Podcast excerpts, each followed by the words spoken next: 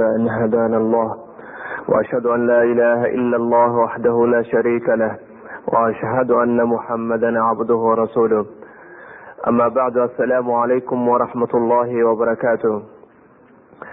walaalayaal salaanta islaamka kadib waa mutamarkeenii shan iyo tobnaad ee ay soo qaban qaabiyeen waddamada scandinavia ee lagu qabanayay magaalada gotembury waa maalintiisii afraad waana maalintii ugu dambeysay shirka insha allahu tacaala marka allaha weyn baan ku mahadinayna subxaanahu watacaala inoo suurtageliyey inuu inoo qabsamo inta inooga dhimana ilaahay subxaanahu watacaala baan weydiisanayna inuu inoo dhamaystiro maanta oo ay tahay maalin axada muxaadaradeena koowaad waxaa la yidhaahdaa magaceeda sababaha ay ummaddu awood ku yeelan karto waxaa maanta muxaadir inoo ah fadiilatu sheikh maxamed derir marka insha allahu tacaala waxay noo faahfaahin doona mawduucan ku soo dhaweynaya fadiilatu sheikh falyatafadal mashkuura. Bismi illahi araxmani araxiim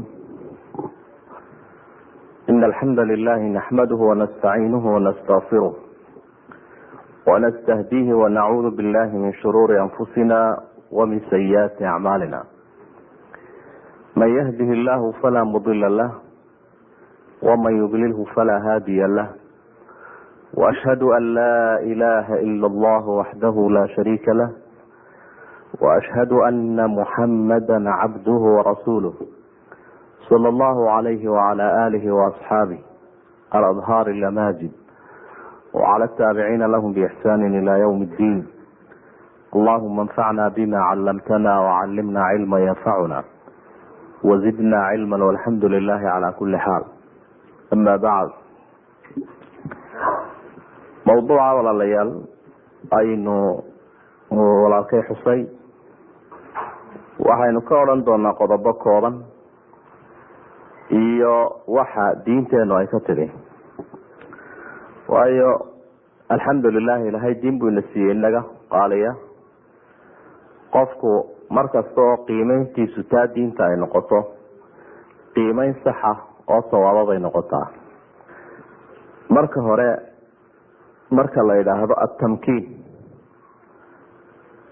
mawduucu waxa weeyaan asbaabu tamkiin lilummati alislaamiya sida ay awood ku yeelan karaan dadka muslimiinta ahi awoodda adduunyo iyo ta aakhiro labadaba ama aynu nidhaahnay horumar adduunyo iyo mid aakhiro labadaba. Dib haddii aada u eegto taariikhda islaamka saddex marxaladood ayaa uu soo maray. Ta u horeysaa waxay ahayd marxaladii ugu quruxda badnayd uguna fadliga badnayd. Waa fatratu tadbiiq alfaa'iq lilislaam wamaa saaxabaha min cizin wa tamkiin fatradii ugu wanaagsanayd ama waktigii ugu qaalisanaa oo ahaa waktigii rasuulka sala allahu calayhi wasalam iyo waktigii khulafada ee islaamka sida wanaagsan loo dabiqayay ee lagu camal falayay. Fatrada labaad waxay ahayd fatratu tadbiiq alcaadi lilislaam. Waa markii labaad ee islaamka lagu camal falayay laakiin sidii hore ay ka hooseysay waa dadkii ka dambeeyey aimadaha fatrada saddexaad waa fatrat linxitaab wa lbucdi can xaqiiqati lislaam wa qilat alciza iyo wakti dambe dadka muslimiinta hoosu dhac ku yimi oo ay hoos u sii cereen mar wal oo taariikhda dib loo dhandhamiyaba marka cisiga iyo awoodda iyo horumarka ay helayeen waa marka ay diintooda ka xaqiijiyaan waaqica nololeed. Ay diintooda ka run sheegaan. Taariikhda kolkaasa sida cumar ibnu khadaabba sheegay. Markaasay taariikhdooda wanaagsanaan jirtay. Annagu waxaanu nahay buuhi cumar. Dad ilaahay uu ku siiyey cisiga islaamka. Markastoonu cisiga ka raadina meelaan islaamka ahayna dulli baa nagu dhacaa waa dadkii fahmay nolosha iyo sirta wanaagsan ay leedahay. Markastoonu ka doonno meelaan islaamka ahayn cisi adalana allah ilaahay baana duleeya asbaabta awood lagu heli karo waxaa laga yaabaa qofka markasta loo dhigo inuu waxyaabo badan eegi karo talowma nuclear baa laga hadlayaa talowma hubkii militariga cajiibka ahaa baa laga hadlayaa talowma mucjisaad baa laga hadlayaa laakiin waxa aynu u soo horeysiineynaa shayga diinteenu u horeysiisay inuu qofka bani aadamka ahi awoodda ugu cajaa'ibsan uu ku heli karo. Waa aliimaanu billah. Ilahay oo la rumeeyo subxaanahu watacaala rumaynta alle la rumeeyo huwa aladii yuakir fi takyiiri nufuusi akar wa shacbi waxa wax ka bedela qofna waxa wax ka bedela iimaanka shayga loo yaqaano aliimaanu billah iimaanka dhabta ahi waa ka dadka awoodda u badanna siiya. Isbedelka u badan ee waxay ku bedeli karaanna keeno. Xaqiiqo dhabahoo jirta weeye marka taariikhdii loo dhabagalo dadka muslimiinta ah iyo xataa muslimiintii hore ee inaga ummadeena ka horeysayba waa sababta uu nebigu u tilmaamay quruuntu inay sii kala fadli badan yihiin qarnigaygaa u fadli badan buu nebigu ka ku xiga ka ku xiga. Lacag kumay kala fadli badnayn.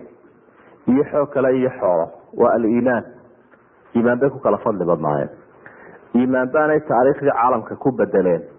Laakiin xoolo fara badan ay haysteenna muu jirin oo gaajaabay caloosha iskaga xidi jireen. Dhagax bay iskaga xidi jireen caloosha.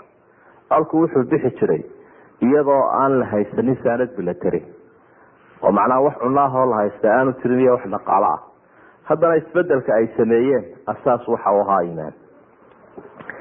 Iimaanka la sheegayaa waa iimaanka wasatiyada iyo dhexdhexaadnimada islaamka iska wata. Laakiin ma aha iimaanu dariir walaa iimaanu qaacid. Fii qawqaca laa yaqwi calaa muwaajahati lwaaqic walijtiraad walaxdaaf iimaanku waa inaanu ahayn mid xadgudubna ku jiro gaboodfalna ku jiro. Oynu uga jeedno iimaanku hadduu yahay iimaanaan laga run sheegayn ilaahay agtiisa ma xisaabsanaa iimaan qofku afka uu ka sheeganayo oo aan uurka ku jirin maaha ka wax bedela qur'aanku waxa uu tilmaamay dad iimaan sheeganaya laakiin aanu iimaankoodu tirsanayn. Allah wuxuu ihi suurat lbaqara dhexdeeda wa min annaasi man yaqulu aamana billahi bilyawmi alaakhir wama hum bimuminiin yukhaadicuuna allaha waladiina aamanuu wamaa yakdacuuna ilaa anfusahum wamaa yashcuruun dad iimaanle baa jira baa ilaha uli haddana iimaankii rabbi uu ka anfiy ui iimaan maleh iimaanna way way sheeganayaan oo ilaahay bay ayay sheegteen inay rumeeyeen haddana iimaan ma jiro waa iimaanaan ka dhabahayn waa iimaankii munaafiqiinta qofkao wax diinahoo uu sheegan hayaa aanu jirin iyo wax dhaqan islaam iyo wax camal ah iimaan uu sheegto weye iimaankaa maaha ka aynu sheegayna. Mar labaad ma aha iimaan qofka ku qalloocday oo waxaan diin ahayn diin uga dhigay oo fikir iyo faham khalad ah islaamka ka fahmay kaana maaha waa iimaankii khawaarijta iimaankii khawaarijta la odhan jiray wuxuu rasuulku tilmaamay sala allahu calayhi wasalam iimaankoodu inuu wato xadgudub xadgudub inuu wato. Markaasaa nabigu waxau yihi xadiidkii saxiix ahaa yakhruju qawmun fi aakhiri zamaan xudathaau lasnaam sufahaau laxlaam yaquluuna min qawli khayri lbariya yaqra'uuna alqur'aana laa yujaawizu iimaanuhum xanaajirahum yamruquuna min addiini kamaa yamruqu sahmu min aramya aakhiru zamaanka waxaa iman doona dad cibaado badan oo cilmi badan oo diin badan oo haddana iimaanku kalxamaha aanu u dhaafin. Iimaanku kuma degina safmar buu ku yahay. Waa qoladii caliy bna abi aalib radia allahu canhu uu laayay.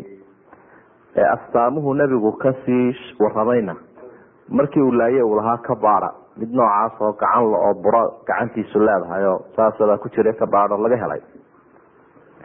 Iimaanka noocaas waa iimaan runtii xadgudub uu ku jiro oo ka been sheegaya fahamkii saxda ahaa islaamka. Iimaankaasi marka uu noqdo kaa rasuulka laga dayanayo calayhi salaatu wasalaam iyo asxaabtiisa ilaahayna jaangooyada uu sameeyey. Tilmaan wanaagsan buu ilaahay ka bixiyey iimaankaa fiican cidda laga dayanayo waxa rabbi uhi fain aamanuu bimili maa aamantum bihi faqad ihtadow hadday u rumeeyaan sidaa u rumayseen ummadahaasi oo iimaankoodu kiinoo kale u noqdo way hanuuneen. Iimaankoodu marka uu kiinoo kale noqdo haddaa asxaabta tihiin markaasaa laga harayaa iimaanku waa kaa weeye. Walaalayaal iimaanka shayga la idhaahdo ilaahay haynagu dejiye wax lamidahoo qofka sida uu wax uga bedelo uga bedelaa ma jiro.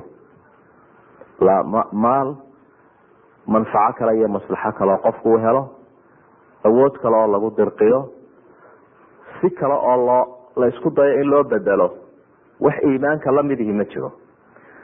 Waxay nooga markhaatiya tusaalayaasha faraha badan ee qaniga nusuusteenu ay ku tahay aynu ka soo qaadan karno qur'aanka iyo xadiidkaba bal aynu qur'aanka u noqono iyo inagoo tusaale uga soo qaadanayna iimaanku sida uu u qurxiyo ee qofka bani aadamka wax uga bedelo.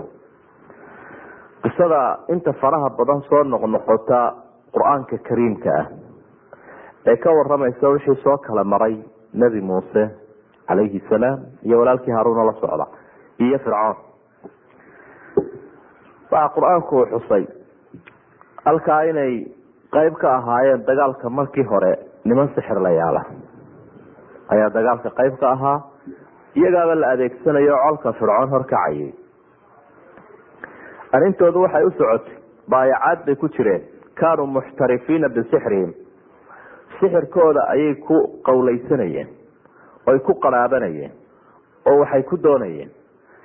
Markay dagaalkii soo galayeen ay isa soo taageen waxay yidhahdeen mabda kale may sheegin aina lanaa laajran in kunna naxnu lgaalibiin waan wax mushqaayada ma leenahay. Meesha haddii lagu kala adkaado aanu colka jabino muuse iyo intuu horkacayo adduun ma helaynaa bay yidhahdeen wax kale kama hadlayaan laakiin waxay leeyihiin anagu badeecadan aanu hayno sixirkaa waxaanu ku doonaynaa adduun. Adduunkaa ma helaynaa bay yidhahdeen ha waa loo ballan qaado waxa l weliba muqarabiinta ka mid noqonaysa. Adduunna waa helaysaan maalna waa helaysaan madaxnimona waa helaysaan oo ku sii dhawaanaysaanba kor baa u sii kacaysa iyagoo shakisan warwarsan aan garanaynin arintu waxay ku gebagaban doonto oon kalsooni wanaagsan haysan ayaa ay isa soo abaabulayeen oo ay isa soo qancinayeen. Kolkaasaa waxay lahaayeen macnaa aamaashoodii bay fircoon ku xidheen. Fircoonku iyagu cuskanaya iyaguna waanay warwarsan yihiin oo waxay ku dambeyn ma garanayaan. Dagaalkani wuxuu ku dambeyn doono. Fircoonkaa iyaga cuskadabay iyaguna sii cuskanayeen kaanuu yucalliquuna aamaalahum bifircawn yididiiladooday fircoon ku soo xidheen. Markaasaa waxay dhahn waqaaluu bicizati fircawna inaa lanaxnu lgaalibuun. Wallahi awoodda fircoon baynu ku dhaaranay waynu adkaan doonaa. Fircoonkuna awood iyagu ka dhigtay waa qof itaal daran oo mid itaal daran sii cuskaday nimankii xaaladoodu sida ahaa ay ahayd markii ay dhadhamiyeen macaankii iimaanka ee ay arkeen meeshan shayga la waajahaya inuu yahay awood ilaahay iyo mucjisaadkii rasusha ushanina aanay sixir ahayn ee ay tahay mucjizo ilaahay uu siiyey rasuulkan. Macaankii iimaanku marka uu ku degay ee uu ku dhibqay ay dareemeen ee dhadhamiyeen. Jawigoodii wuu isbedelay halka u dambaysay tegeen. Halkay taagnaayeen intay ka tegeen ayay dhanka kala tegeen. Markaasa hadalkooda waxaa ka muuqanaya sida cajiibka ah ee iimaanku uu saameeyey. Fircoon baa way de islaameen sad qisada qur'aanka ka akriyaysa qofkii akriye uu qisada arkayo way islaameen. Waxay sixirkoodiibaa waxay ku gartay macnaha waxaa cilmiga la idhaahdaa haba xumaade haddana waxunbu faa'iideyn sixirkoo ah cilmiyada ugu liita waxay ku garteen shaygan inaanu sixir hayn uu mucjizo yahay. Jahligii wuu u dhaamay kii jaahilka ahaa. Kan aqoonta sixirka u leh ayaa dhaamay oo gartay shaygan inaanu sixir ahayn ee mucjizo u yahay. Waa kuwii wada rumeeyey sujuud bay la dhaceen. Isna wuu uhanjabay sida qur'aanku sheegayo. Inuu layn doono weliba gidaarada inta uu ku dhajiyo uu qodima ku taagi doono wa fircawna dilawtaad masaabiirtiisii uu isugu rakibi doono gidaarka intuu qofka dhiso. Taasuu ugu hanjabay waxay ku jawaabeen lan nu'hiraka calaa maa jaana min albayinaat waladii fadarana. Faqdi maa anta qaad inamaa taqdii hadihi alxayaata addunya kaa dooran mayna bay idhaahdeen. Ilaahiina abuuray iyo diinta uu noo keenay. Intoonu ka tagno adiga ku raaci mayno lan nu'hiraka calaa maa jaana min albayinaati waladii fadarana ilaahay baana abuuray manhajna wuu noo keenay intoonu labadaa ka tagna fircoonow adiga ku dooran mayno faqdi maa anta qaad waar waxaad doonaysa xukun adigu inaad na figaynayso gidaarka aada nagu dhisayso oodna deldelayso ayaad nagu hanjabtay wax alla waxaad xukumaysa xukun be bal dar soo hindhis imaka bal xaggaad doonaysa u rido waxa balaayo aada soo ururiso oo dhami inayna disho miyay ka badinaysa. Soo inay naftu naga qaado maaha. Balaayadaadu balaayada adduunyadu hadday kuusoo kabagashato oonay waxba la harin waa hadday naftun kaa qaado. Qofkuna hadduu shahiid yahay xanuunka waxa uu dareemaya sida quraanjadu marka ay qaniinayso qofka uu dareemo kale. Ilaahay baa waxa uu siinaya antibayn iyo wax umada ka celiya qofka shahiidka ah halkaasay istaageen. Way sababeeyeenoo way isqanciyeenoo waxay dhahan inamaa taqdi hadihi alxayaata dunya. Adduunyadan un go'aankaagu soo miyuu aakhira u dhaadhacaya? Annaga aakhira noo daran. Inuu ilaahay aakhira loo hagaajiyun baa noo daran. Hadduu ilaahay aakhira loo hagaajiyey fircoona waxa aada nagu hadidaysa waxba na yeeli maayo. Waa arrin aada u kala fog. Ninkii waaka ibn cabaas ba markuu fasiraya aayadda sida suyuudi uu ku soo naqilaya adurar lmansuur waxa uu leeyahay ibn cabaas asbaxuu saxara. Wa amsaw asbaxuu saxara waadxaw muminiin waamsaw shuhadaa. Wuxuu waagu u baryay iyagoo sixriyaal sixirlayaala. Barqinku wuxuu u soo galay iyaga oo muminiina. Gabalku waxa u dhacay iyagoo shuhadaa. Saddex tallaabo oo maaragtay midna ay dhinac jirto labana dhinac jiraan nimankii waagu u baryay iyagoo sixirlayaalo barqinkiina wuxuu u soo galay iyagoo ashahaadanaya markii ay shahaateenna waxa ay u badheedheen inay xejisan karaan. Cadaabka adaga la marinayo. Cadaabka adaga la marinayo. Saasay ku shahiideen. Waaya taariikhda qur'aanku ina baray weeye cajiibka ah. Saasaana ilaahay uu ku abaalmariyey oo waxaa halkaa ka muuqanaya dee inuu laayay. Mar haddayna tanaasuli waayeen isna tahdiidka iyo hanjabaadba uu qaatay inuu laayo shahiideen. Ayaa ay u badan yihiin culamaau tafsiir. Taariikhda muslimiinta ee qaaliga ah arrintan aada iyo aadka uga buuxay cajaa'ibka badan leh wax yar iyadana haddaynu ka soo qaadano cumar ibn khadaab ayaynu u soo qaadan doonaa tusaale tilmaamaya qofka bani aadamka ah iyo sida iimaanku uu wax uga bedelo ee noloshiisa u bedelo dabcan markuu iimaanku qofkii bedelo qoyskiibuu bedelayaa. Wuxuu bedelayaa bulshada meesha ku nool. Waxay noqonayaan dad awoodooda iyo sharaftooda iyo horumarka iyo hogaaminta caalamka iska kaashada oo in yar ku xaqiijiyay noqonayaan. Cumar ibn khadaab markuu nebigu ka yaabay calayhi salaatu wasalaam awoodiisa waa kii lahaa islaamka ilaahay oo laba camar ama laba cumar midkood ku xooji. Waa isagii abujahal macnaha wuxuu nebigu arkayay awoodda ninkaasi uu leeyahay sharka uu ugu adeegayo iyo gaalada ugu adeegayo. Hadduu maanta islaam isa soo berber taago inuu wax badan hinjin karayo oo diinta islaamka uu garab qaban karayo. Dabeedna waxay keentay isagoo weli islaam inuu nebigu ku laxa jeclaado calayhi salaatu wasalaam.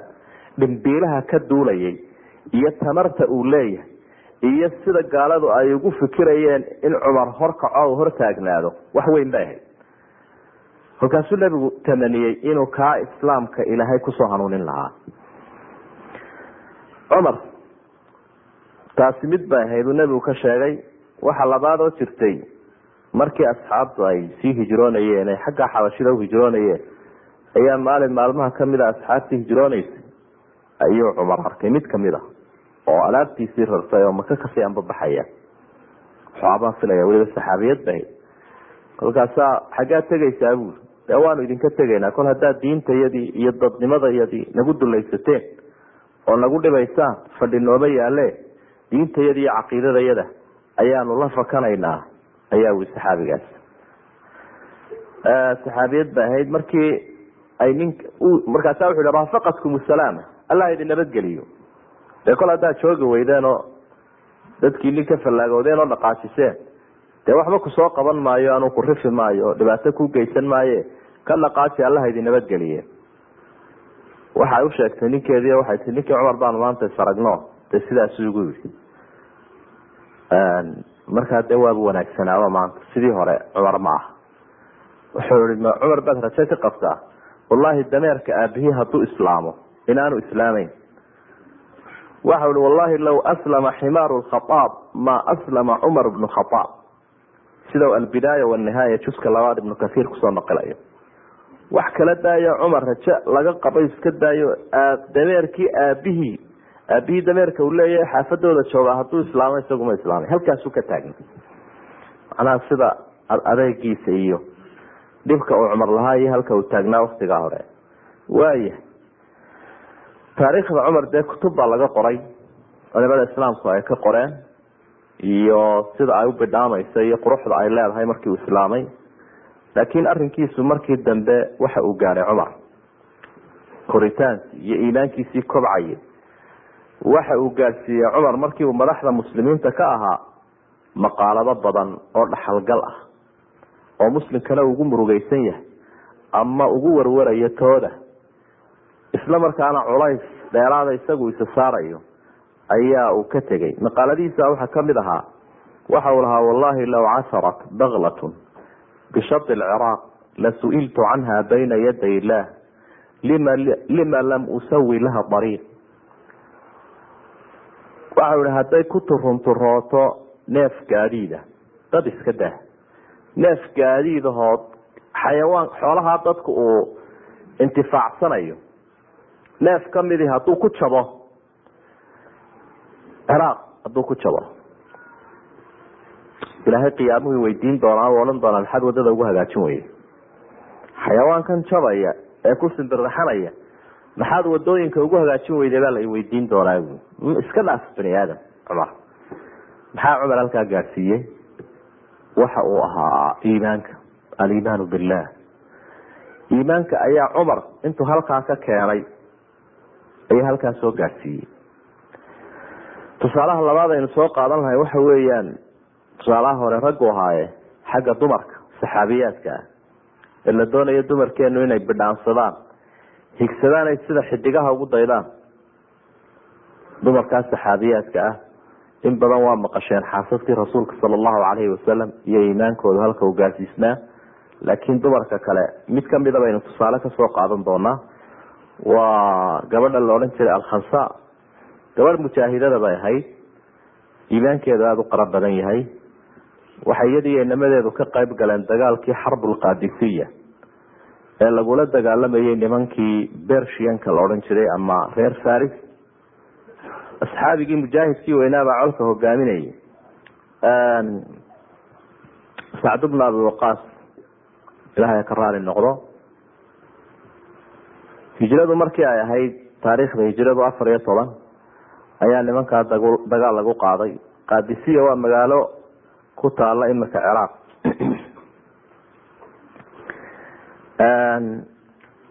iyada iyo kuufa ayaa isku dhowa waxaa la tilmaamay ilaa afartameeyo kilomitr inay udhaxeeyaan dagaalkaasi sida la ogsoonyahy dagaal adag buu ahaa.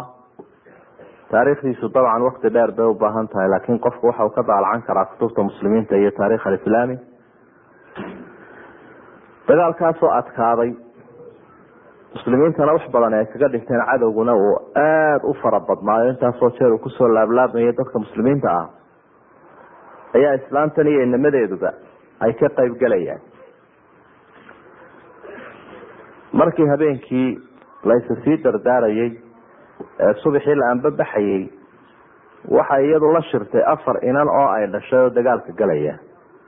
Ayay shirisay way hor fadhiisatay way waaninaysaa way abaabuleysaa inaanay rag ka hadhin.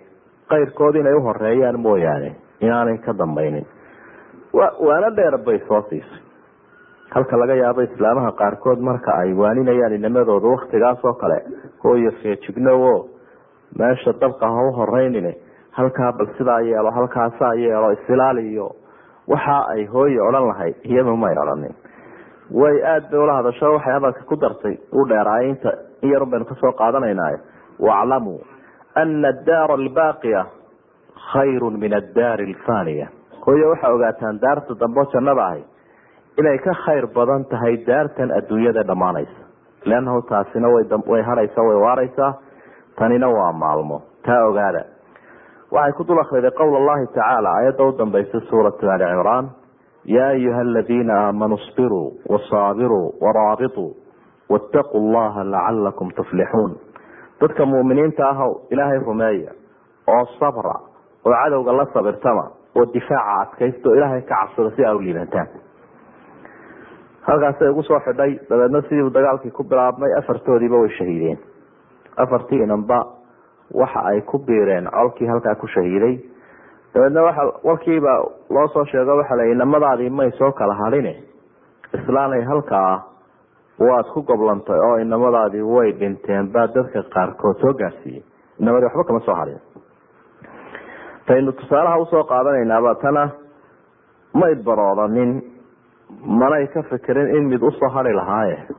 Waxay tihi maqaalo taariikhda gasho waxay leedahay alxamdu lilah aladi sharafanii biistishhaadihim waarju llaha an yajmacanii bihim fii mustaqari raxmati ilaahay baa mahadleh iga dhigay hooyadii shuhadada ilaahayna waxaan ka baryayaa naxariistiisa jannadiisa inuu isugu kaayo keeno aniga iyo iyaga. Intaasunba ilaahay ka codsatay waxaaba maanta sharafiabay tihi in la ii bixiyo umma shuhadaa dadka shuhadada ah tii hooyada u ahayd. Taasaan ku faraxsanahay marka qofkan waxa keenay inay barooran weydo inay namadeedii u murugeyn weydo inay kuba dhiiriso kolka hore inay naftooda quudhaan waxa ay ahayd aliimaanu billaah waa hooyo bixinaysa raggii ay ku soo tacabtay. Halkaad og tahay ay ka soo bilowday. Halkaad og tahayna ay soo gaadhsiisay ayay quudhaysa taasi waxa ay noqotay runtii iyada oo garatay xaqiiqada dhabta ahi inay tahay in loo shaqaysto halka dambe. Iimaanku marka aynu nusuusta eegno awoodda ummadani heli karayso waa shayga kow ah. Sidaa darteed baa qur'aanka haddii aada eegto aayadihiisa markastoo ilaahay uu ka hadlayo ummadani hadday doonayaan horumar iyo hadday doonayaan caalamkan inay wax ka xaqiijiyaan oo ay hormuud noqdaan adduun iyo aakhiraba taa hadday doonayaan mar walba ilaahay iimaanku shardi uga dhigaya aayaadka haddaad akrido ilaahay baa wuxu uhi walaa tahinuu walaa taxzanuu waantum laclawna in kuntum mu'miniin dad yahu hana daciifina wixii idin gaadhayna waxba ha ka murugoonina idinkaana calanka sare sida oo sarayn doona haddaa muminiin tihiin waa shardi walaa tahinuu walaa taxzanuu waantum laclawna in kuntum muminiin waa sarayn doontaan ee waxba daciifina waxba murugoonina haddaa muminiin tihiin shardigaasaa ilahay udhigaya waa shardi min shuruudi tamkiin ummadani awoodda ay ilayska ku baadi doonayso ee albaabo kala duwan ay ka gelgalaysa ka garaacayso shardiga lagu helayo waa kaas baa ilahay uri mar kale wacad allahu aladiina aamanuu minkum wacamiluu saalixaat layastaklifanahum fi lardi kama stakhlafa aladiina min qablihim walayumakinana lahum diinahum aladi irtadaa lahum walayubadilanahum min bacdi khawfihim amna ila akhir aayaat waxa ilaahay uu yaboohay aladiina aamanuu minkum dadka iimaan kale idinka idinka mid a inuu cabsida ka dulqaadi doono dhulkoodana gacanta u gelin doono caalamkana ay ka talin doonaan hogaaminta caalamka waxaan u ballan qaadayaa buu ilahay yihi dadka mu'miniinta ah inay yeelan doonaan laakin de wuxuu uhoreysiiyey wacad allahu aladiina aamanuu dadka mu'miniintaabaa ilahay u horeysiiyey iimaan buu soo qadimay rabbuna subxaanahu watacaala waxaa kaloo ilaahay uhi wakana xaqan calayna wakana xaqan calayna nasru lmu'miniin waxa waajib igu ah buu ilahay yihi mumin inaan uheliyo qole heblaaye iyo wadan hebel iyo qarni hebel iyo midna ma yaalo wa xaqan calayna nasru lmu'miniin qofka mu'minka anigaa ballan qaaday baa ilahay ui inaan uhiiliyo laakin dee iimaankiisu waa kee waynagaa soo sharxayna masterka taarikh alislaami markaad dib u eegto mar kasta ilaahay iyo islaamkooda iyo diintooda ay ka run sheegaan awoodday helayeen dadka muslimiinta waxaa soo weeray nimankii mongoliska la odhan jiray ama tatarki waxa ay ka soo bilaabeen caalam alislaami berigiisii weliba jumhuuriyadihii ruushka ruushka uu qabsadee muslimka ahaa oo aada uga fogaa bari dee aasiyada fog. Ayaa dadka muslimiinta ahi markaa ay haysteen oo ahaa dalal islaama. Halkaasay ka soo bilaabeen qarniyadii dhexe way soo socdeen way soo socdeen dowladii islaamka ay qabsadeen ee xarunteedu baqdaad ay ahayd. Way soo socdeenoo turkiya ay soo safeeyeen way soo socdeenoo sham bay soo qabsadeen way soo socdeenoo falastiin bay soo qabsadeen. Iyagoo caalamulislaamiba wax yari uga hadhan yahay muddo aan dheerayn. Oo intan xijaas iyo yeman iyo masar iyo intan waqooyiga africa ayaa uga hadlanaa halkaa marka ay marayaan sayfidiin qudus ninkii la odhan jiray waxa ui war wax kale iskaga celin karin mayne. Kuwii xooga iyo xoolahaba haystay iyo khilaafadii islaamkaba waa lala soo kacaye. Waxaynu iskaga celin karaynaa un islaam. Kitaabka qur'aankaabuu kor u qaaday. Wasiiradiisi iyo dowladiisii buu shiriyey. Masar buu markaa ka talinayay waxa uu weliba isagu waxa uu ka mid ahaa sayfudiin qudus sida taarikh alislaami ku xusan. Dadka muslimiinta ah ee bariga ku noolaa adoomihii caruurtii yaryareed ee tataarku ay ka soo qabsadeen. Ee ay adoonsadeen. Ee markii dambena galbeedka ay u iib keeneen. Ee madaxdii halkaasi intay iibsadeen ay milatariga ku dareen buu ka mid ahaa. Caruurtii yaryareed ee tataarku adoonsadeen buu ka mid ahaa. Markaasuu milatarigii muslimiinta masar ku biiray koritaan kadib ilaahay baa dee hanuuniyo xaqa waafajiyey ummadana ku badbaadiyey.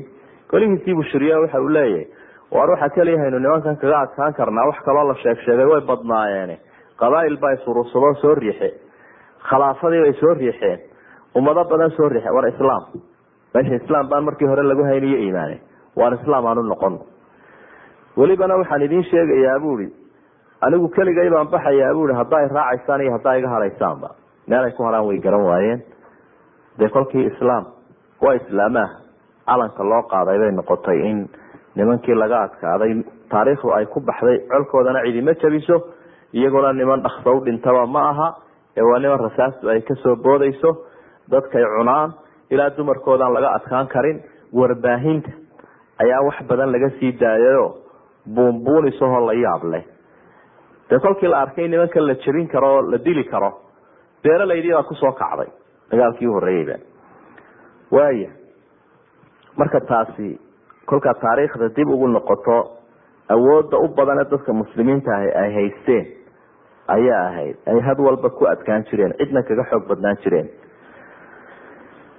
Qur'aanka kariimka waxa uu tilmaamay taasi waa xagga nasriga iyo awoodda markay xataa doonayaan dadka muslimiinta ahi horumar dhaqaale inay helaan inaana iyagu ka baadi doonaynin dhinacyo kale laakiin ay ka baadi doonayaan iimaan.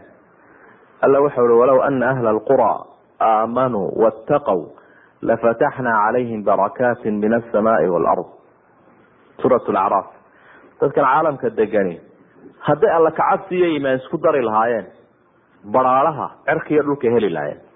Barwaaqada cirkuna way madarka cirkuna wuu soo dii lahaa barwaaqada dhulkuna way soo bixi lahay eriyo dhul baa isqabsan lahaa khayraadkooda way ka horumari lahaayeen faqriga iyo dhaqaale xumada.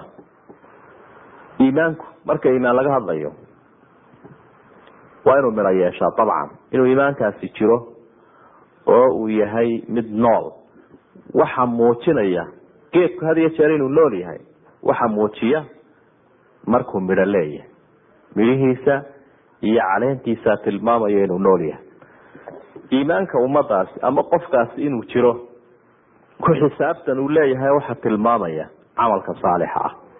Haddaba sharcigeena iyo diinteenu asbaab tamkiin sababaha ummada awood ku yeelanaysa talabaad waxa uu ka dhigayaa alcamal saalix. Dadku inay ilaahay ka tala qaadanayaan. Alcamal saalix camal wanaagsan oo xaqiijinaya qofka xikmadii loo abuuray adoonnimada ahayd waa inay ummaddu leedahay. Camal saalixa markay la imanayaan ilahay bay raalli gelinayaan nusuustu taasi way ku badan tahay welibana waa mustaqbalka iyo adduunyada iyo aakhiro labadaba. Camalkaa saalixa baa ilahay uu shardi ka dhigaya. Aladiina aamanuu wacamiluu saalixaati tuuba lahum waxusnu maab dadka ilaahay rumeeye camal saalixana ku daray. Waxa ay leeyihiin janno iyo meel fiican ay degayaan. Waudkila aladiina aamanuu wacamiluu saalixaati jannaat. Wlcasri ina alinsana lafii khusrin ila aladiina aamanuu wacamiluu saalixaat alcamal saalix waa murtakas cala alxayaa aayiba nolosha wanaagsan nolosha wanaagsana dadkani ay baadi doonayaan ay meelo kale ka raadraadinayaan ilaahay waxa uu tilmaamay iyagoo si fiican u caabuda oo addoommo ugu noqda inuu ku jiro horumarka iyo nolosha wanaagsane la doondoonaya. Oo nolosha wanaagsani wax badan oo la cuncuno iyo layr badan oo la shito iyo daaro badan oo la dhisto taa maya taasi waa in yaroo ka mid oo tacmiirta adduunyada ah. Idinkaa ka markhaati furaya ummad badan oo intaa aynu soo sheegnayba haysata. Diiqada ay ku sugan yihiin iyo noloshu sidaanay wax dhadhana ugu lahayn. Ee noloshii marka ay wax dhadhana u samayn weydo isagoo adduunye oo dhan haya.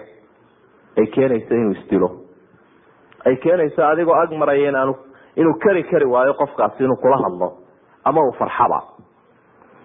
Alla wuxu uhi man camila saalixan min dakarin aw unha wahuwa mumin falanuxiyanahu xayaata ayiba walanajziyanahum ajrahum biaxsani ma kanuu yacmaluun.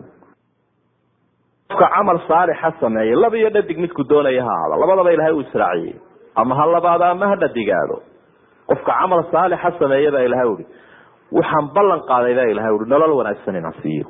Waa ballan ilaahay subxaana falanuxiyanahu xayaatan ayiba aakhirana abaalmarin wanaagsan baan siin doonaa. Wixii camal sameynayeen baan ka abaalmarin doonaa. Imikuun may bilaabmine. Arrintaasi waxay ahayd kutubtii ilaahay iyo waxyigii horena mid ku sheegan. Addoomaha saasaa ilahay u sheegaya horumar adduunye hadday doonayaan iyo horumar aakhiro ilahay inay addoommo u noqdaan oo isaga ay caabudaan. Walaqad katabna fi zabuuri min bacdi dikri ana alarda yariuha cibaadiy asaalixuun walaqad katabna fi zabuur walaqad katabna fi zabuuri min bacdi dikr kitaabkaa nebi daawuud lagu soo dejiyey waxa ku qornaa dhulkayga waxa dhaxlaya oo ka talinayabaa ilahay ui cibaadiy asaalixuun adoomahayga wanaagsan. Wixii kale ka talinaya o dhami taladoodu waa midaan lagu xisaabtamayn haba sheegtaan inay ka talinayaan. Caalamka hagaanay xukumaan. Laakiin wa waa xukun qarqoosh. Waa talo dhugdhug iyo demdem ku salaysan oo aan xaq ahayn oo aanu ilaahay ictiraafsanayn inay ka taliyaan. Sidaa daraaddeed talada ilaahay uu qiimeynaya waxa weeyaan taa addoomaha wanaagsane ay talinayaan. Adduun iyo aakhiro labadaba waa saas weeye. Adduunyadana ilaahay u dhexalsiinaya aakhirana u dhexalsiinaya nabi muuse calayhi salaam iyada oo isaga iyo reer banu israail la eryanayo arrinkuba ku adag yahay. Ayay calancaleen oo ay murugoodeen oy warwareen reer banu israail markaasaa wuu dejinaya waxa uu tilmaamayaa sunada adduunyada inaanay ahayn. Qof mufsidahoo meel awood ku yeesho inuu sii haysto. Inuu sii haysto sidaa ku socdo un sunada adduunyadu maaha. Sunada adduunyadu waxa weeye dadku inay tijaabo maraan in legdankaasi iska socdo. Marna qolada khayrku inay xoog badato marna qolada sharku inay xoog badato. Kolkaasa waxa uu tilmaamaya uu leeyahy ina alarda lilah yuuriuha man yashaau min cibaadi. Waa dhulkan ilaahay baa le fircoon ma leh. Mid xoog badan oo kibraad ma leh. Dhulka ilaahay baalo wuxuu dhexalsiin doonaa cidda uu doono. Marka idinkuna intuu ilaahay halaago ayuu idinka idin eegi doonaa. Halkoodaa intuu idin keeno waaya muqawamaadka waxaa kamida in addoomuhu ilaahay caabudaan oo runtii camalkii saalixa iyo cibaadadii si un bay isugu mid yihiin. Laakiin haddana nusuusta qaarkood ayaa si gaara waxay u tilmaamayaan cibaadada. Sidaa nusuusta qaar iimaankii bay tilmaamayaan qaar camalkii saalixa bay tilmaamayaan qaar iimaankii bay tilmaamayaan. Camal saalixa kolka laga hadlayana dadku horumarkooda ay ka samaynayaan dhinaca adduunyada. Waxay ka dhigi karaan cibaada. Qoyskooda iyagoo ka shaqaysanaya cibaado ka dhigi karayaan. Shaqadooda adduunyada cibaado ka dhigi karayaan. Awoodooda caskariga ayaa cibaado ah. Inay dadku tamar yeeshaan oo ay ka horu maraan ummadaha caalamka waxay iskaga caabii lahaayeen. Iyo waxa la muruqyaha la isu sheeganayo inay xaqiijiyaan baa cibaado ah. Sidaasay u aaminsanaayeen dadka muslimiinta waxa ummaduhu ay ku kala adkaadaan technolojiyad leh hub leh inay iyagu noqdaan kuwa ugu baacdheer ee ugu horumarsan ee cilmiga maadiga ugu horreeya taasaa loo arkayay berigii hore inay cibaado waayo waxaynu ka jawaabeynaa qowl llahi tacaala waaciduu lahum ma staطactum min quwati wa min ribaad اlkhayr turhibuuna bihi caduw allahi wacaduwakum cibaadadu soomka iyo salaada iyo zakada oo qura maaha way tahay intaa laakiin waa arrin ka caamsan oo waa wixii ilahay una faray oo dhan. Waaya waxaa muqawamaadka ka mid a iyo waxyaabaha ummadda awood u yeeli kara inay cilmi yeeshaan in aqooni ay jirto cilmigaasoo kii diinigaha u horeeyo sidii aynu kaga soo waramayna muxaadaraadkii xalay ee tilmaamaya fadliga cilmiga iyo aadaabtiisa iyo ummadda islaamku in aanay ka qadin diintoodii alcilm waxaynu odhan karnaa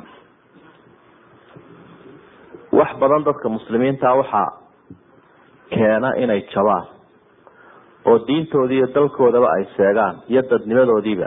Waxa jahliga la idhaahdo shayga jahligu waa wa waa cudur weyn. Jahligu wuxuu keeni karaa inaad garanba weydo keebaa isku qolatihin inaad garanba kari weydo saad wax u qiimeynaysa inaad garanba kari weydo keebaad la safanaysa ama keebaad taageeraysaa dadka. Ilan dadkan masel garoonka yimide kubadba ka soo qaad daawanaya hadduu qofku tiimkiisii garan waayo ka war oo kii qayliyaba uu la qayliyo kii laadaba uu sacabeeyo musiibo weyn weeye. Qofku marka uu jaahil yahay ee maqaasidii islaamka iyo alwalaau walbaraa iyo yaa sokeeya yaa shisheeya yaa nacaba yaase gacala uu kala garan waayo. Ogabe waa jahliga jahligu cudur weyn weeye waxa markaa dhacaysa in uu ambado runtii waa laga yaaba haddii dadkeena la su'aalo la idhaahdo warni horta shisheeyaha iyo sokeeyaha ma kala taqaanaa. Wuxuu odhanaya dee inteena reer hebelna sokeeyo aynu nahay. Reer hebelkaa kale aynu istilaana dee waa shisheeye. Soo saas maa saasay in fara badan dadku u yaqaana shisheeyu waxa wey dee reer hebel. Sokeeyuhuna waa inaga nacab iyo gacal in marka aada weydiiso u kala kaxeeya dadka muslimiinta. Ah maa yafal leannahu jahli baa jira. Jahligaasi waxay keenayaan marka dadkii muslimiinta iyo gaaladiiba ayaa isqabsanaya. Gaaladu iska taageeraya qof. Waa xunxun wallahi waa iska qaar ducafa ah la karbaasho sa la idhaah sa ayaad arkaysaa qofkii oo iskale kuma xisaabtamayo kelmadiisan iyadoo liistaysan maalinta qiyaamaha in la soo hordhigi doono oo ilaahay uu su'aali doono kuma xisaabtamayo. Hana isyaraysanina kelmada aada ku dhawaaqayso iyo mawqifka aada istaagayso waa mid ilaahay uu kugula xisaabtamaya maalinta qiyaamaha adigoo halkaaga fadhiya adigoo xataa haddaad doonto itaal daranba haddii aada mawqif wanaagsan istaagtana kii waxa fuliyey waxa wanaagsan fuliyay baad la mid mawqif xun haddaad istaagtana ama taageero xun aada bixisana kii waxa xun fuliyey baad la mid tahay. Rasuulku sala allahu calayhi wasalam waxa uu galay dagaalkii meesha fog uu ka dagaalamay ee la odhan jiray tabuk duulaanka yurub uu ku qaaday markuu ogaaday inay soo duulayaan. Isagoo halkaa fog joogo lix boqol iyo siyaado kilomitr u jira madiina. Ayaa wuxuu lahaa meel kastoynu marno shicbi iyo waadi. Meel dooxa iyo meel gol ahoo laablaaba meel kastaynu marno rag madiine jooga ayuunbaa inala socdaa iyaba ay soomaalidu sheegi jireenba ay odhan jireen dhulku taaka taaka ugu jiraa markaasa miyay nala socdaan ha. Wasay noola socdaan wuxuu ihi shaarakuna fi ljr abaalmarinta ayay nala wadaagaan xabasahum alcudur cudurdaarun baa reebae laakiin taageeradooda iyo moralkooda iyo yididiiladooda inagun bay jid ahaan way nooga maqan yihiin. Laakiin ruux ahaan bay nala socdaan. Waa kuwe waa asxaabtii cudurdaarka ah. Kii indhoolaha ahaa aan indhaha waxba ka arkaynin. Kii naafada ahaa dumarkii waa taageerayaal. Nebigi asxaabtii way guulaysteen. Ayay leeyihiin oo iclaamka sidaasay ku sii daynayaan. Way farxayaan. Munaafiqiintu markay naxliga soo afuufaan ay idhaahdaan waa la jabay oo colkii waa la soo eryaday. Way ka murugoonayaan. Macnaha dareenkooda ay nala jaan qaadayaan marka shaarakuna fi ljr nabigu wuxuu ley alayhi salaatu wasalaam ajriga ayay inala wadaagsanay.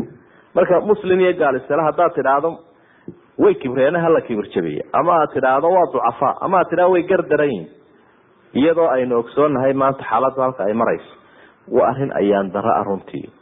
Oo qofkana kelmadaasoo u qoran ayaa laga yaabaa inay maalinta qiyaamaha la soo hordhigo.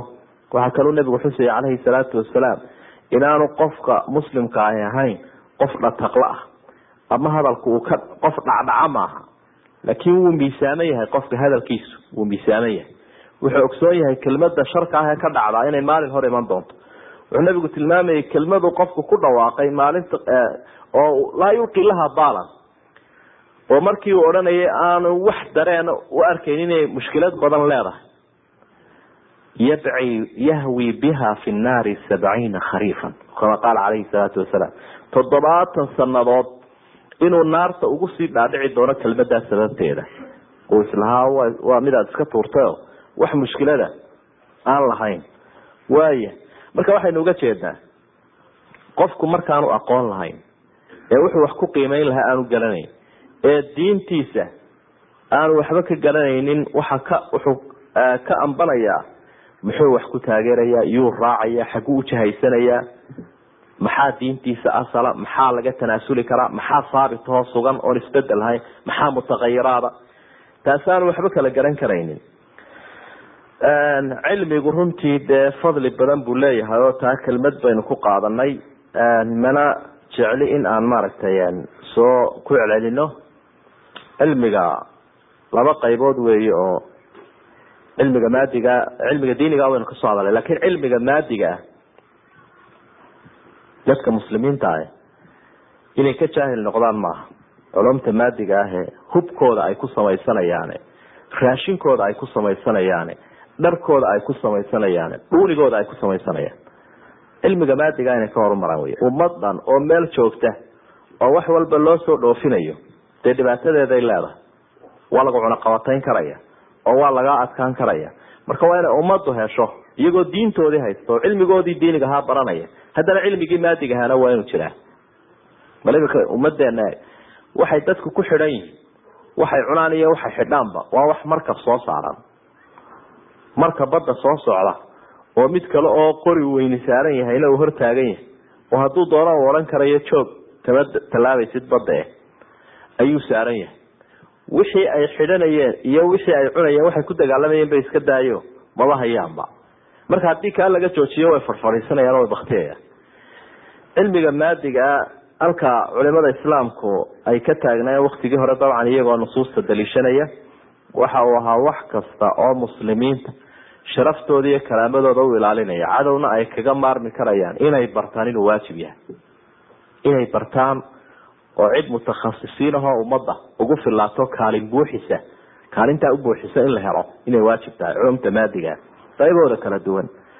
Ilaa way fashilmayaan haddii aan sidaa la odhanin sidaa darteed baa waktigii umawiyiinta iyo cabaasiyiinta iyo dowladii islaamka ee ka talinayay meeshan la yidhaahdo andalus iyo waxay ahaayeen cilmiga dar ka horumaray bay ahaayeen oo runtii culimadooda masjidka fadhida ayaa culumta maanta jaamacadaha lagu dhigto ardaydeenu ay adduunka faraha badan ku bartaan muasisiintoodii iyo dadkii afkaartooda lahaa culumta maadiga ah culimadeenaasi ay ahaayeen. Masalan caalimka la odhan jiray ibnu khaldun ibnu khaldun ayaa ahaa raggii asalka u ahaa cilmiga la ydhaha cilmu lijtimaaci wataarikhi walcumraan cilmiga bulshada iyo taariikhda iyo deegaanka. Wax fara badana uu ka baa laga faa'idaystaa ilaa maanta abu zakariya arazi waa raggii asaaska u ahaa cilmiga ibiga ama caafimaadka. Abubakr alkhawarizmi alkhawarizmi waxa uu ahaa raggii afkaarta badan iyo asaasiyaadka ku soo kordhiyay cilmi ariyaadiyaati walfalak xisaabaadka iyo cilmiga falaga. Ibn lhaysam cilmu abiica walbashariyaat ayaa ahaa wax badan kii fisigiska ka soo kordhiyey abulqasim azahrawi fi cilmi ljiraaxa waa rag culimadii ka mid ah. Isaguna waxa cilmiga qaliinka raggii asaaska u ahaa. Sidaasiba ay ka markhaati kacayeen dad badan oo falaasifada gaalada ka mid ahaa. Ama aqoon-yahankoodu kuwooda qiraya fadliga muslimiinta way ka markhaati kacayeen maqaalado fara badan oo ay leeyihiin oo runtii aynaan halkan ku soo koobi karaynin waxyaabaha taarikhda ay xusto waxaa ka mid a kutubta taarikhda islaamka haddii aada akrido qarnigii saddex iyo tobnaada milaadiga ama toddoba boqol iyo konton markay ahayd hijradu ayaa boqorkii ingiriiska uu soo qoraya waraaq wuxuu u soo qorayaa ninkii haystay dowladda islaamka ee andalus ee la odhan jiray hisham atharis waxa uu ka codsanayaa waraaqdu carabi bay ku qoran tahay wuxuu ka codsanayaa hablo uu soo diray oo boqortooyada qaar kamidihii ku jiraan. Oo xoogaa yaroo hadiyadana sida inay soo socdaan waar waxaanu codsanaynaa buu leeyahay iftiinka ka soo baxay halkiina iyo aqoonta aanaan yurub ku haynin halkaa ku haysaan. In walaalayaal aad noogu deeqdaan oo scholarship hablaha aad noo siisaan alminxa dirasiya minxa dirasiya xoogaa tacliin noogu deeqa buu leeyahay hablahaasi boqortooyadii bay ka socdaane. Si ay keyrkood aanay uga hadhin oo ay ula tartamaan bal tacliinta iyo iftiinka andalus ka soo baxay ummadda u horseeda inanay yurubta kale haysanin inaad noogu deeqdaan oo scholarship noo siisaan. Halkan aynu iminka ka baryayno ee laga siiyo meelahan uu yahay maaragtay scholarshipka laga siiyo ama waxbarashada deeqda waxbarasho. Uu yahay mid carabka cirka la gaadhaya berigaa boqorkii ingiriisku baryadaas u geysanaya hisham asalis warqad dheer bay ahayd oo runtii af carabiya imika aynaan akrii karaynin waxa uu ku soo gebagabay waxaan u soo dhiibay lilibnati sakira bihadiya mutawasila mutawaadica limaqamikum ljaliil dadk adigaa sharafta le ayaan hadiyada u soo dhiibay arju takaruma biqabuliha maca tacdiimi walxub alkhaalis. Waxaan rajeynaya adiga oo iga raaliyaho imaamuusa inaad iga aqbasho wuxuu ku soo gebagabeeyey khadimukum george. Waa kii adeegaha ku ahaaye george waa boqorkii ingiriiska. Ayaa tilmaamaya inuu adeega u yahay. Waaya cabdiraxmaan addakhil ninkii la odhan jiray ee ka mid ahaa umawiyiinta qolyihii u dambeeyey ee ka soo firdhalay ciraaq. Waxa uu ka asaasay taariikhu andalus markaad eegto dowladii ugu weyneyd yurub ee ugu dhaqaalaha badnayd ee ugu cilmiga badnayd ee ugu maktabadaha badnayd ee ugu beeraha badnayd. Ilaa beeraha lagu dalxiiso. Shaqooyinka iyo xirfada ugu qaalisani berigaa waxay ahayd qoraalka. Qoraalkay ahayd. Anaha qofka qoraalka yaqaana ayaa ugu mushahar badnaa oo ugu lacag badnaa. Markaasaa dadka qoraalka ugu badan ee kutubta qori jiray ay ahaayeen dumarka. Markaasaa intoo yurubta kale laga soo safro ayaa si cilmigaa looga qaato maadiga ah ayaa la kiraysan jiray dad wax qora. Marka xaqiiqatan arintaasi jahliga ay dadka muslimiintii diintoodii ka jaahil noqdeen marka la soo dhaafo jahli jahliga ay kaga dhaceen xataa culumtii maadigahayd iyaduna waata ayaan darada keentay. Muqawamaadka waxaa ka mid oo kashanaada aljihaadu fi sabiil illah in dadku ay cudud milatary yeeshaan dadka muslimiinta ahi inay xoog yeeshaan. Waayo cidda mar walba caalamkan awood leh siyaasadeeduna way soconaysaa. Ama mid shara ha ahaato ama mid khayra. Kelmadeeduna way soconaysaa. Lacagteeduna waa qaali. Basaboorkeeduna waa qaali. Basaboorkeeduna mid laysku jaraabuu noqonaya. Dalkeeduna mid la doontaabuu noqonaya la bidhaansado. Lacagteeduna waa la jeclaanaya. Ilaa habarteenii baadiyaha dollar taqaana iyo sarafkiisa maxaa baray waxay ku leedahay imisuu maraya raydkay kuu sheegaysaa? Waxaana qarfadaana way joogtaa. Maxaa baray ee lacagii kala keeni waaye teedii ilowsiiye tan sanka ka geliyey. Dee waa dareemi karaysaa? Marka dadka muslimiinta ah muqawamaadkooda waxyaabaha ay ku xaqiijinayaan ee diinteenu ay fartay ee aada loo adkeeyey. Ee weliba cibaadaadka cibaadada ugu daliil badan weeye adilada iyo aayaadka ugu badani waxa ay ka waramayaan jihaadka iyo xoogga dadka muslimiinta ay yeelanayaan.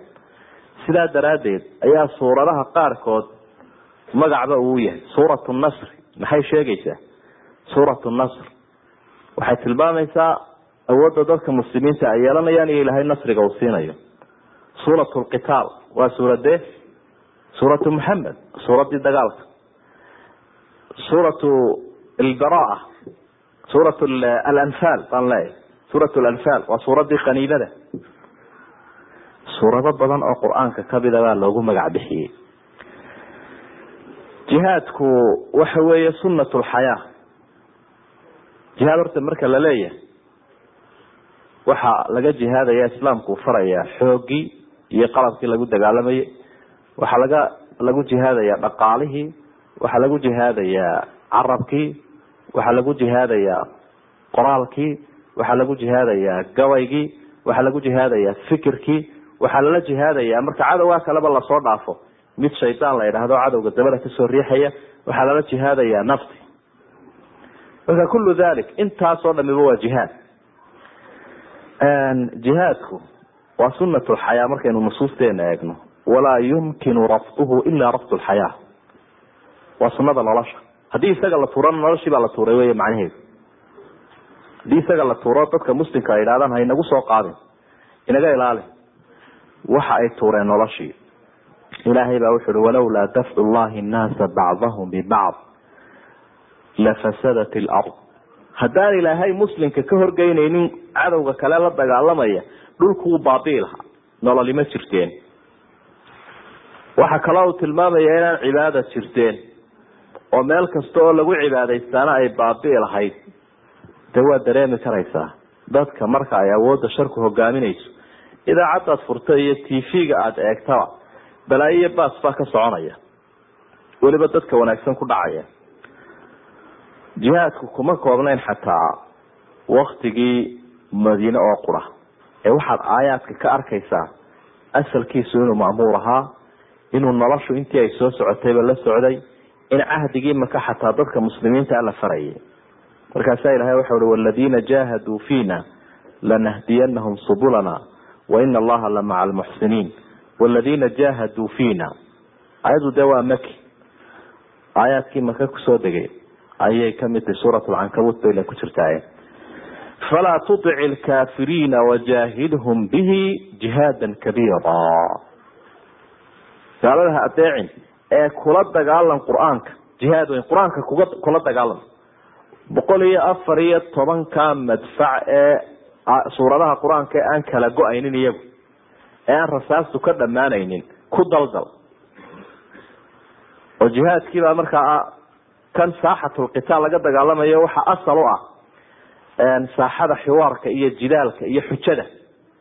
Haddii qofku aanu xagga xujada iyo diinta iyo daliilka iyo fikirka aanu ka qanacsanayn kan kale miidaanka iyo fagaarahana waa lagaga adkaanaya qur'aanku wuxuu tilmaamayaa inuu jihaadku yahay noloshi ya ayuha aladiina aamanuu stajiibuu lilahi walirasuuli ida dacaakum lima yuxyiikum ilaahay iyo rasuulka u jawaaba oo markay idin yeedhaan wax idin noolaynaya idinku yeedhaan hoy dhaha oo ha diidina. Lima yuxyiikum wax idin noolaynaya. Culamaau tafsiir in badan oo kamidi jihaadkay ku fasireen. Nebigu markuu jihaadka idinku yeedho ajiiba sida uu nolol u yahay bay culimadu sii sharxeeno. Waxa ay leeyihiin dee dadka muslimiinta ah iyo dadka gaalada ah kolba kii laga adkaado kolba kii laga adkaado moy ka kalaa noolaanaya. Marka dadka muslimiinta hadday awood yeeshaan way noolaanayaan oo ay jihaadkii ogaan. Haddii kalena nolol baan jiraynin. Marka hadduu nebigu idinku yeedho wixii idin noolayn lahaa oo jihaada waxay dadku dareemayaan wixii dilaya inuu yahay laakiin ilaahay wuxuu leeyahay waa wixii idin noolaynayay. Leanna waxba soo kala hari maayaan marka la jihaado in yar unbaa shahiidaysa laakiin marka la fadhfadhiisto dee dhakadunbaa loo dheeraynaya waxba soo kala hari maayaan noloshaasi waa noloshii adduunyada nolosha aakhirana dee ilaahay baaba xuso wuxui walaa taxsabana aladiina qutiluu fi sabiili llahi amwaatan bal axyaaun cinda rabbihim yurzaquun jihaad marka la leeyahay. Runtii fiqigiisu u baahan yahay jihaad laba qoloo maanta udhaxeeya ama ku dhex dhacay. Qolo dee meel aan laga dayaynin ka dayayso oo jihaadku si si aanu ku hirgelaynin u wada oo laga yaabo tallaabooyinka ay qaadayaan inuu keeni karo inay wax dhiciyaan. Oo aanu eegeynin fiqigiisi iyo aqoontii jihaadka uu lahaa ama waktigii eegeynin ama ciddii ku habboonayd eegeynin waa dhacdaa taas.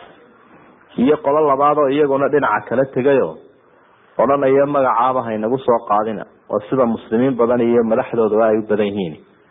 Magacaa waa laga xanaaqayaa aayadaha ka hadlaya xataa manhajka inaga saara yaan laynagu soo bidhaansanin oo marka magacaba la soo qaado ama muxaadaro ka hadlaysa la sheego ama kelmada laftigeediiba inta ay dadka kale ka naxayaan iyagu ka naxaya marka runtii waa ayaandarada dadka muslimiinta ah ku dhacda weeye. Kolle wuxuu u baahan yahay muxaadaraad gaara iyo baxsi u gooniya ayuu u baahan yahay waktiguna waa ka cidhiiryoon yahay.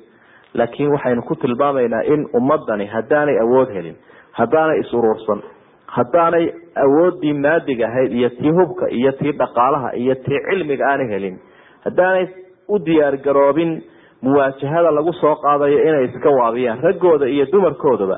Haddaanay iskaashi samayn haddaanay ururin haddaan midnima jirin inaynay halka ay taagan yihiin kor uga soo kacayn. Muqawamaadka waxaa ka mid ah dacwatu ila allah ilaahay xaggiisa in dadka loogu yeedho oo mar kasta oo ay aloosan tahay dacwadda iyo yeedhmada dadka diinta loogu yeedhayo oo kelmadda wanaagsani ay sarrayso dadka arrinkooda wuu taagnaanaya. Haddii kale waa la isla degaya tusaalu ka bixiyey rasuulku sala allahu calayhi wasalam jiritaanka ummadda isagoo ku salaynaya dacwadda. Waxa uu leeyahay qofka xuduudda ilaahay fulinaya ee sharciga ilaahay ka run sheegaya iyo ka butuluqsanaya ku dhex dhacaya ee aan diin ilaahay hirgelinayn tusaalahoodu wuxuu ka dhigan yahay qaar dooni saaran oo kale qolana xagga sare fuushay qolana xagga hoose. Xadiidka waa wada haysaano marar badan baa maqasheen qolada xagga hoose ku jirtaa waxay isku qanciyeen waa dadkii xumaanta samaynayeen warda intaynu markaynu biyaha soo darsanayno kuwan sare marayno innagaaba dee uga dhow loox yarunba inaga xiga. Miyaynu fujinna un looxaynu darsano haddaba kuwa sare haddii ay ka aamusaan ay yidhaahdaan ha iska wateena inaga daaya halkooda ha ka dhuuqeene biyaha dee way dalooshami oo way isla wada degi doonaa hadday laakiin u farsamo sheegaan ay gacanta ka qabtaan ay yidhahdaan looxa haddaa fujisaan biyo badan baa ka soo gelaya idinkuna waa idin halaagsami anaguna waanu halaagsami waar ka daaya waar ka jooga najaw wa najaw jamiican dhammaantooda way wada nabadgeli doonaan marka doonidani waa caalamkaynu ku jirno doonidani waa wadankaynu ku wada noolnahay doonidani waa magaaladaynu ku wada noolnahay tusaalaha uu nebigu ka bixiye uu leeyahay waa la fujinayaana. Waa dubayaasha lala dhacaya macaasida. Macsiyo kasta oo dadku ay la jahraan ama dhexdooda ka muuqataa waxay ka dhigan tahay dubayaal lala dhacayo doonidii la saarnaa. Marka in dacwadi jirto oo dadka xumaanta laga joojiyo wanaagana loogu baaqo iyaduna muqawamaadka ummadda iyo waxyaabaha dhisi kara ayay ka mid tahay oo dadka muslimiinta ahi ma aha dad xumaanta eegta waa dad ka dhiidhiya. Nabigu caleyhi salaatu wasalaam arrimihiisa gaarka haddii la farageliyo ama isaga naftiisa iyo maalkiisa wax loo dhimo isma dhibi jirin iska dulqaadan jira laakiin haddii sharciga ilahay iyo diinta ilahay iyo wixii xaaraana la farageliyo khudbad buu isla taagi jiro wuu qiiroon jiro wuu cadhoon jiray nabigu caleyhi salaatu wasalaam iyada oo indhuhu ay cas yihiin oo arrinta aada uga xun yahay. Innagana waxaa dhacday maanta xumaanta la samaynayo in qofku uu iskaga gaabsado u idhaahdo maxaa iga galay? Isaga i goonita ama aniga ima khusayso. Marka addacwatu ila allah in ilaahay xaggiisa dadka loogu yeedho waxa weeyaan waa daruuratun bashariya wa fariidatun sharciya inagaaba u baahan oo ku badbaadayna oo doonidaasaynu wada saaranahay waana fariida sharciya oo ilaahay baa inagu waajibiyey subxaanahu watacaala amar buu ina siiye wuxu waltakun minkum umma yadcuuna ila alkhayri wayamuruuna bilmacruuf. Hala idinka helo. Dad wanaagga fara xumaantana diida. Waa amar. Nabiguna calayhi salaatu wasalaam wuxu uhi balliquu canii walow aaya. War aayadna ha ahaatee ummadda wax gaadhsiiya oo dacwad u fidiya.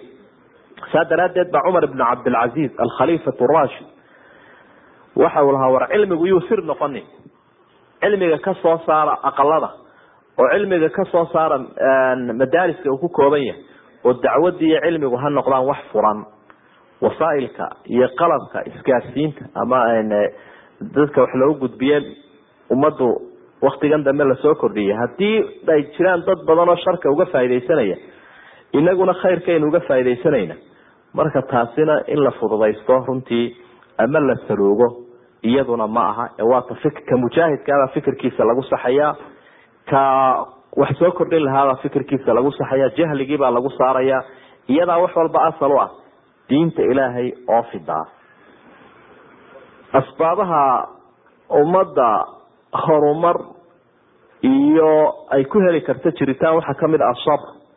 Inay sabir la timaado oo sabir uu jiro. Sabirka shayga la idhaahdaana dee qur'aanka kariimkaa aada iyo aad baa ilaahay uu noogu soo celceliya isagoo ina faraya.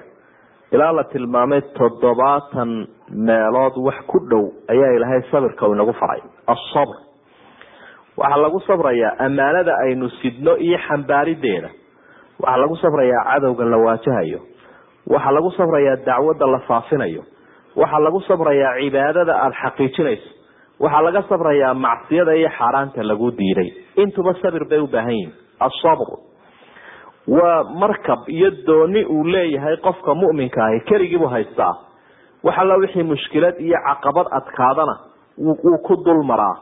Mawjadaha faraha badana isdabahaya ee mashaakilka adduunyadu ay leeyihiin kala duduwana dhinacyada kala duwan ka imanayuu ku dul maraa qofka muminka ahi. Bal waxaad eegeysaa aayaadka kolkaad akrido meel walaba ilahay haddii cadow la soo qaado sabir buu sheegaya haddii cibaado laga hadlayo sabir buu sheegaya markaasaa rabbi waxau i wastaciinuu bisabri wasala sabir iyo salaad baa ilahay uu sheegay. Labadaa adeegsada. Ya ayuha aladiina aamanuu istaciinuu bisabri wasalaati ina allaha maca asaabiriin ilahay wehelkiisa waxaad ku helaysaa iyo inuu ku garab galo. Marka aada sabir la timaado ya ayuha aladiina aamanuu isbiruu wasaabiruu waraabituu isbiruu wasaabiruu isbiruu waxay sheegaysaa sabir adigu la kaalay. Asal ku ah camalkaaga. Saabiruu iyaduna waa faacala. Waxa ay sheegaysaa la sabirtama dad baa idinka horjeeda aan diin iyo iimaantoona lahayn oon aakhirana ku fikiraynin. Haddana way adkaysanayaan oo way sabrayaan. Dee la sabirtama oo ka sabir badiya. Walcasr ina alinsaana lafii khusrin ila aladiina aamanuu wacamiluu saalixaati watawaasaw bilxaqi watawaasaw bisabr watawaasaw bisabr ayaa lagu soo gebagabeeyey sabirku waxaynu doonayna inu ku gaarayna. Macnaha qofku haddii uu hadafkiisu aanu dheerayn dee ma sabri karayo. Dabeedna haayadiisi iyo ujeedadiisi iyo wixii uu hirgelin lahaa intaanu gaadhin buu ayay wash ka odhanaysaa ee u caajisaya. Laakiin sabirka waxaa lagu helaa tamkiinta iyo awoodda aynu doonayno. Awoodda aynu doonayno ummadda islaamka haddaynu inaynu xaqiijino iyo horumarka adduunye aakhiro sabirkaasaa lagu gaarhaya nebi yuusuf calayhi salaam intee arrimood buu ku soo sabray qisadiisa ah tii walaalihii buu ku sabray tii adoonsabuu ku sabray tii godka lagu riday buu ku sabray tii maalka iyo madaxtinimada loo dhiibay buu ku sabray. Ilaahay jaa-isad buu siiyey markaa jaa-isadaas oo ah inuu noqday qof hormuudaho badbaadin kara. Ummadii dhammayd halkaa ku halaagsani lahay waxaa kaloo ilaahay uu tilmaamay dhaqanka rususha waxa uu ahaa iyo ummadii saalixiinta ahayd ay naga horeysay ila weligeed waa soo haysay weligeed sidana cidhbaha laysu rugayo laysaga qaylisiinayay marka halkee ayaa nasriga laga heli jiray? Rusushii hore iyo ummadii hore. Xataa ida stayasa rusulu wadanuu anahum qad kudibuu jaaahum nasruna fanujiya man nashaa walaa yuraddu ba'suna cani lqawmi lmujrimiin xataa ida stayasa rusul baa ilahay rusushii hore marka iyo ummadahooda la dhibo ee cadowgu weerar badan oo uu ku hayay daraaddeed uu kadeed badan soo gaarsiiyo oo ay yaqiiniyaan in ummadihiina bilaa rajo yihiin. Ummadihiina ay ka quusta macnaha rusushu maaha inay ilaahay ka quusanayaan sidai aayadda tafsiirkeeda caaisha macanaynaysa waxay leedahay? Rusushu ilaahay kama quusanayaan laakiin kolkay rusushu ummadaha ka quustaan ee la beeniyo ee in badan iyaguna ay sabraan jaaahum nasruna. Gargaarka iyagaa yimaada balaayaduna cadowgay ku dambaysaa. Waa sunada qur'aanku kariimkaa ilaahay nagu barayo marka inaynu quusanno maaha inaynu aamina maaha arrinku inuu halkaa ku dhammaanayo. Macnaa intee legdan ka soo socotay baashan intaad adigu noolayd oo qura bal waxaad eegtaa inta quwa dumaysa iyo inta quwa soo baxaysa iyo inta wax isweydaaranaya waxaad ku qanacaysaa ana alumuura biyadi illaah laa biyadi lkafir arrimaha inay ku jiraan gacanta ilaahay oo aanay ku jirin dad bila iimaano gacantooda inaanay ku jirin. Markuu qofku taa ku qanacsan yahay wuxuu dareemayaa xikmad daraaddeed kolba inuu ilahay arrimaha dhan u dhigayo subxaanahu watacaala laakiin sabirkaasina waa laga maarmaan nebi muuse laftiisu sidaasuu faraya reer banu israa'iil. Waxa uhi wastaciinuu billahi wasbiruu. Ina alarda lilahi yuriuha man yashaau min cibaadi. Wastaciinuu billahi wasbiruu. War ilaahay ku tiirsada oo sabra oo adkaysta dhulkana ilahay ciduu doono ayuu dhexalsiinaya walcaaqibatu lilmuttaqiin. Lakin ciribta wanaagsan qofka taqwada leh ayaa leh. Walcaaqibatu lilmuttaqiin. Sidaasay ku sabreeno markaasa ilaahay uu tilmaamay sabirkaa markii ay yeesheen reer banu israa'iil. Inuu hogaamintii udhiibay wajacalnaa minhum aimatan yahduuna biamrina lama sabaruu waxaan ka dhigay baa ilahay ui kuwo madaxa oo dalka hogaamiya amarka iyaga ku hogaamiya lamaa sabaruu kolkay sabreen. Wa kaanuu biaayaatina yuuqinuun. Laakin mafhuumu sabr sabirka mafhuumka aynu ka qaadanayna iyo sidaynu arkaynaa ma aha sabran salbiyan lakinahu sabrun iijaabiyun. Sabir salbiya maaha sabir negativa ma aha. Laakin sabirkaynu doonaynaa waa sabir dee wax ka soo baxayaan oo rajo leh waraynu sabirna oo waxba inagu habsadee nin walowba halkaaga. Bakaylo waa bur. Nin walowba burkaaga gal arrintu maaha. Laakiin iyadoo la sabrayo ayay tahay runtii in istaraatiijiyada jiraan oo dadku ay wax diyaarsadaanoo ku talagal dhow iyo mid dheer ay yeeshaanoo awood samaystaanoo aqoon yeeshaanoo iyagu ay ururaanoo wixii ay ku jabeen ay ka kacaanoo isbeddel sameeyaan macnaha sabirka la doonayaa waa sabir ijaabiya nabigu calayhi salaatu wasalaam markuu fadhiyi waayey maka ee uu arkay arrinku inuu adag yahay wuu aagbedeshay oo wuxuu aagbedeshay madiina. Waxa uu diyaariyey ardiyadii meeshii dowladda islaamka uu ku asaasi lahaa. Waxa uu diyaariyey dadkii soo dhaweyn lahaa. Waxa uu sii galay heshiisii asxaabtii madiina.